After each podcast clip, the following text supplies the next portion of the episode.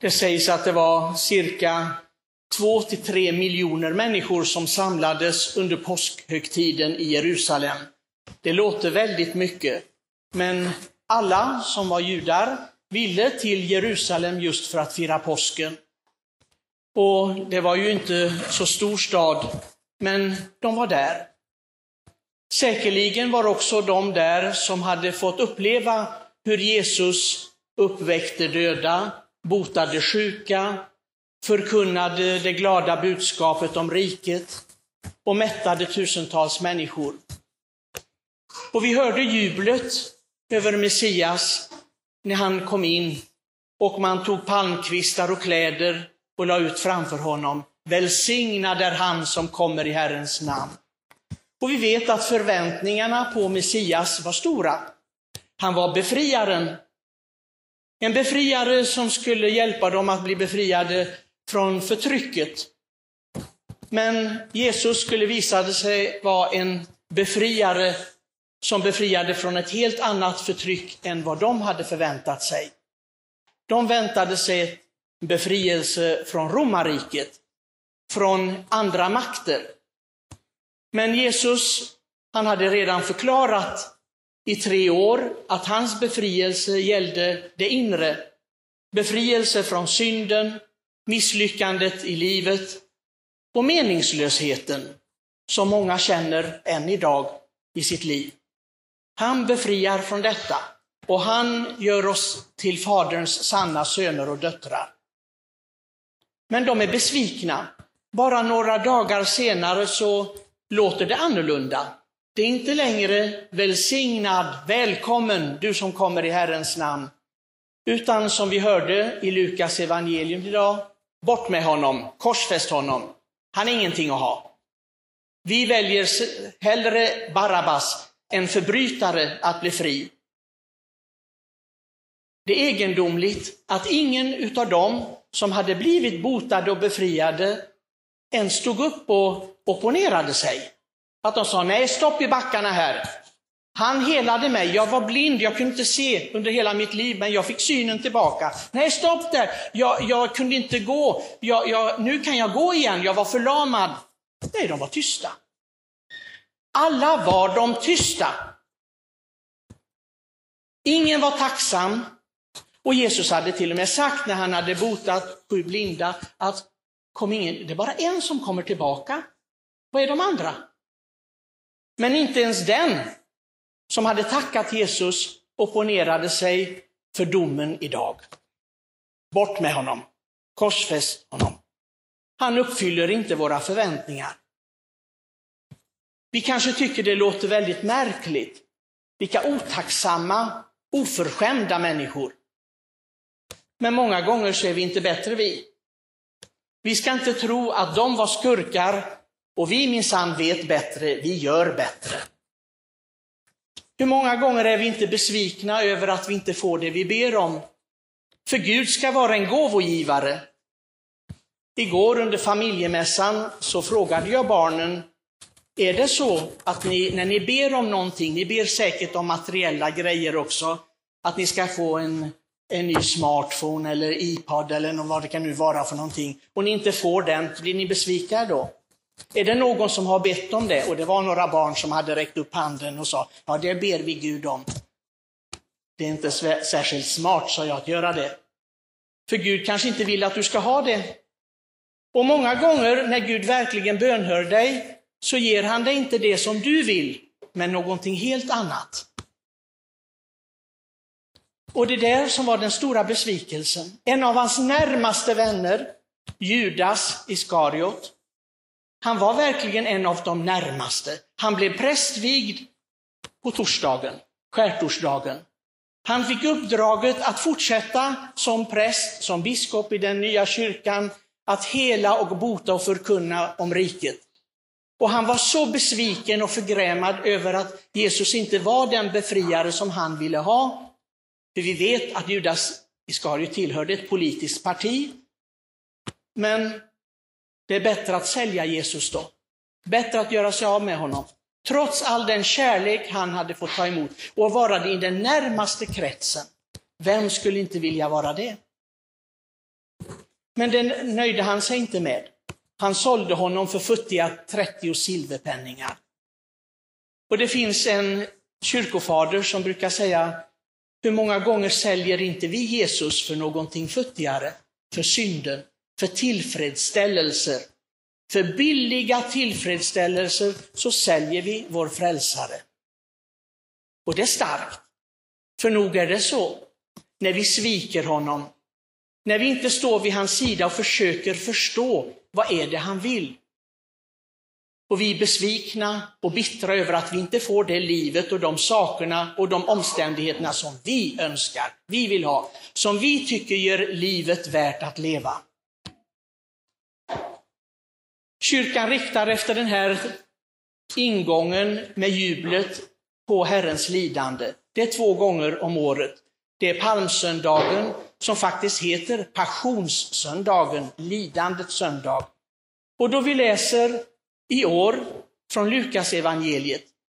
Man skulle kunna säga att det var Marias evangelium, för det är där som de händelser där hon var med om finns berättade.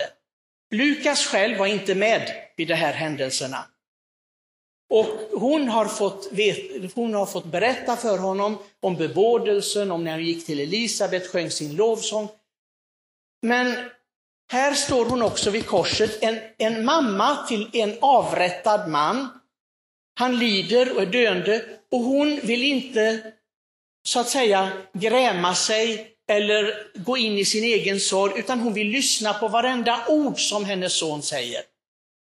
För det är bara i Lukas evangeliet vi får höra den här dialogen mellan de två rövarna. En fantastisk dialog. Jesus har börjat att visa sin barmhärtighet, inte bara tänka på sitt eget lidande, utan be till och med Fadern att förlåta dem som korsfäste honom. Hur många gånger gör vi det? Inte för att vi blir spikade fast vid kors, med spikar inte, men när någon säger oss någonting som sårar oss eller gör någonting emot oss, ber vi som Herren. Är vi verkligen sanna kristna? Eller är det skådespel, eller bara det yttre? Förlåter vi verkligen? Det är det som Herren gjorde, och vi kan inte vara sämre om vi ska vara kristna. Och här i dialogen så är det två stycken brottslingar och den ene gör narr av Jesus och säger, om du nu är Messias, om du har den här makten, så hjälp oss ner. Det ska väl inte vara någon konst för dig? Och hur många gånger tänker vi inte samma sak? Som den onde rövaren. Men Herre, om du verkligen nu är Gud, befria mig från det här, låt mig inte gå igenom det här. Den här sjukdomen eller mista jobbet eller ha svårigheter med de här människorna eller vad det nu kan vara. Gör det nu då. Fixa nu det här. Du älskar ju mig. Bevisa nu att det är sant. Inte bara tomma ord. Och det var den onde rövaren som resonerade på det viset. Men den ödmjuke, honom som vi kallar Dismas, den andra är Gestas, han sa, men jag vet att jag förtjänar det här. Vi förtjänar det här straffet. Men det gjorde inte han, han är oskyldig. Jesus, tänk på mig när du kommer med ditt rike. Jesu barmhärtighet är omedelbar. Därför att han ber, han behöver bara be de här orden, säga de här orden, förbarma dig över min själ. Jag vet att jag har gjort fel, mitt liv är kass. Men förbarma dig över mig, Herre. Och Jesus säger, idag ska du vara med mig i paradiset. Idag. Herrens kärlek och barmhärtighet är omedelbar. Han säger inte, tänk, ja, vi får vänta en stund så ska jag tänka på det. Nej, omedelbar är hans barmhärtighet och kärlek. Maria tar till sig detta. Hon hör det, hon vill förmedla detta till oss. Det här får du inte glömma, säger hon till Lukas. Det här ska finnas med, för det är viktigt. Och inte nog med det, så anförtror han just sin älskade moder till oss, alla de lärjungar som han älskar. Det handlar som ni ser här om barmhärtighet och kärlek. Jag säger ofta att vi kristna borde vara experter på detta. Det borde inte finnas någon människa egentligen som är så kunnig i barmhärtighet och kärlek som vi kristna. Om vi verkligen tar vår tro på allvar. Jag läste med häpnad och sorg i Jönköpings-Posten inte så länge sedan. En man som låg på gatan inte långt härifrån, han hade fått en stroke när han gick ut. Och han låg där i cirka en halvtimme. Han kunde inte yttra ett ord, han kunde inte röra sig, men han såg människor som gick förbi. Människor som bara ruskade på huvudet eller bara låtsades att inte se honom, trots att han bara låg där på trottoaren. Ingen brydde sig och efter en halvtimme kom det några unga killar som kallade på ambulans. I en halvtimme! Människor som bara går förbi. I Stockholm var det en kvinna som antingen hon halkade eller knuffades ner i Strömmen, i den där bron som går över till Kungsträdgården. Människor, vad gjorde de? Inte kallade de på hjälp eller försökte hjälpa. De tog fram sina telefoner och fotograferade henne tills hon hade drunknat och dött. Det är i dagens civiliserade samhälle. Jag gick till Juneporten, jag hade skulle uträtta ett ärende och eh, framför mig såg jag utanför en liten tobaksaffär en äldre kvinna som låg på, på marken och jag sprang fram till henne och sa, hur är det med dig? Jag har ingen telefon, jag ska, jag ska springa och hämta hjälp. Hon kunde inte röra sig, hon kunde inte säga någonting. Och jag sprang in i tobaksaffären och sa till mannen, du, ser du inte att den här kvinnan ligger där ute? Ah, det är en fyllekärring, sa hon, låt henne ligga. Vad säger du, sa jag. Ring efter ambulans, ge dig genast, jag ger mig inte. Jag höll på att slå sönder disken. Och sa, ring, ah, okej okay då. Så gjorde han det för att jag insisterade. Han hade låtit henne ligga där. Jag sa, vad är det med dig gubbe? Är du inte klok? Vad är det med oss? Jag tror inte att det är bara hedningar i Jönköping, för vore det bara hedningar så skulle inte ni vara här, eller hur? Men vad är det med de kristna? Detta ska vara en väldigt kristen stad. Vad är det med oss? Är det bara teater och skådespel att vi går i kyrkan och att vi... Är det det? För det finns många kyrkor i Jönköping, men det finns det i hela Sverige. Och många vill att vi ska kalla oss för ett kristet land, men så är det över hela världen, hör det inte bara här. Vi går förbi människor, vi bryr oss inte. Eh, det är väl hans fel, liksom, det är hennes sak. Vi ser människor som är trötta och ledsna och säger, vi kan inte le åt dem ens. Vad är det för slags kristendom? Är det skådespel, humbug? Vi ska vara experter, vi som är kristna, att ge förlåtelse och barmhärtighet och uppmuntran och kärlek till varandra och till alla, oavsett om de är kristna eller inte, det spelar ingen roll. Gör vi det? Ibland tänker jag, när jag, när jag är med om sådana situationer och läser dem, tänker jag, det är meningslöst. Jag har vikt mitt liv åt någonting som är meningslöst. Människor, de förblir i sig själva, tänker bara på sig själva, på sin egen, att ha det bra, att ha det bekvämt och så, men struntar fullständigt i andra.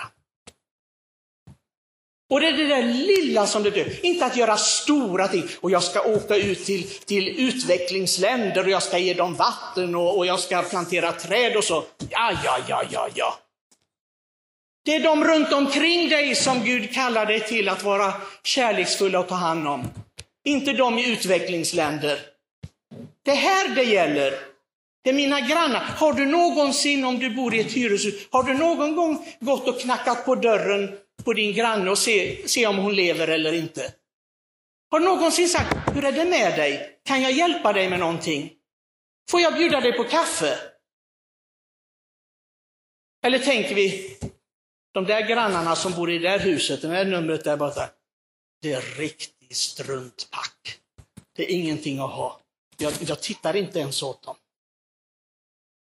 Fina kristna, jätte, det är bara att gratulera, säger jag. Att misslyckas så, så totalt med sitt liv, det finns inte ett uns Kristus i oss när vi gör på detta viset. Var finns Jesus då någonstans? Var finns han? Är det skådespel alltihopa?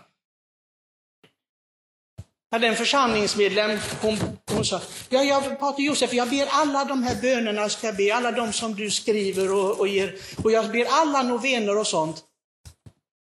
Och bara ett andetag senare så sa hon, liksom, ja, jag har så svårt med den här. Hon, hon kommer till kyrkan, hon gör inte som jag säger. Jag vet, vad var det du sa? Hör du inte dig själv? Du ska framhålla dig själv som en bedjande människa, men sen kritiserar du andra. Ja, det är just fint det. Det är just fint. Och klaga på andra. Det är detta, mina kära, som evangeliet handlar om. Det handlar inte om något annat, det är inte en saga. Det är inte för att vi ska bli underhållna. Den kristna tron, det, det, det är en uppmaning till oss. Du ska bli som jag är, säger Herren. Du ska bli, du ska bli en fortsättning på mig, på mitt liv. Så ska du vara. Då har du lyckats, då är du inne på rätt sätt. Man kan göra många, många synder, många underlåtelser och så. Men om vi saknar kärlek, säger Paulus, då spelar det ingen roll. Då har vi förlorat allt. Låt inte detta bli vårt, vårt öde, att förlora kärleken i våra liv, den äkta kärleken som han vill se, inte den som vi vill, med bara att älska våra vänner. För Jesus sa det, det gör till och med syndare, älskar sina vänner. Men det är inget märkvärdigt med det. Men när vi älskar våra fiender, de som står oss emot, de som är besvärliga, då, då är vi Kristus lika.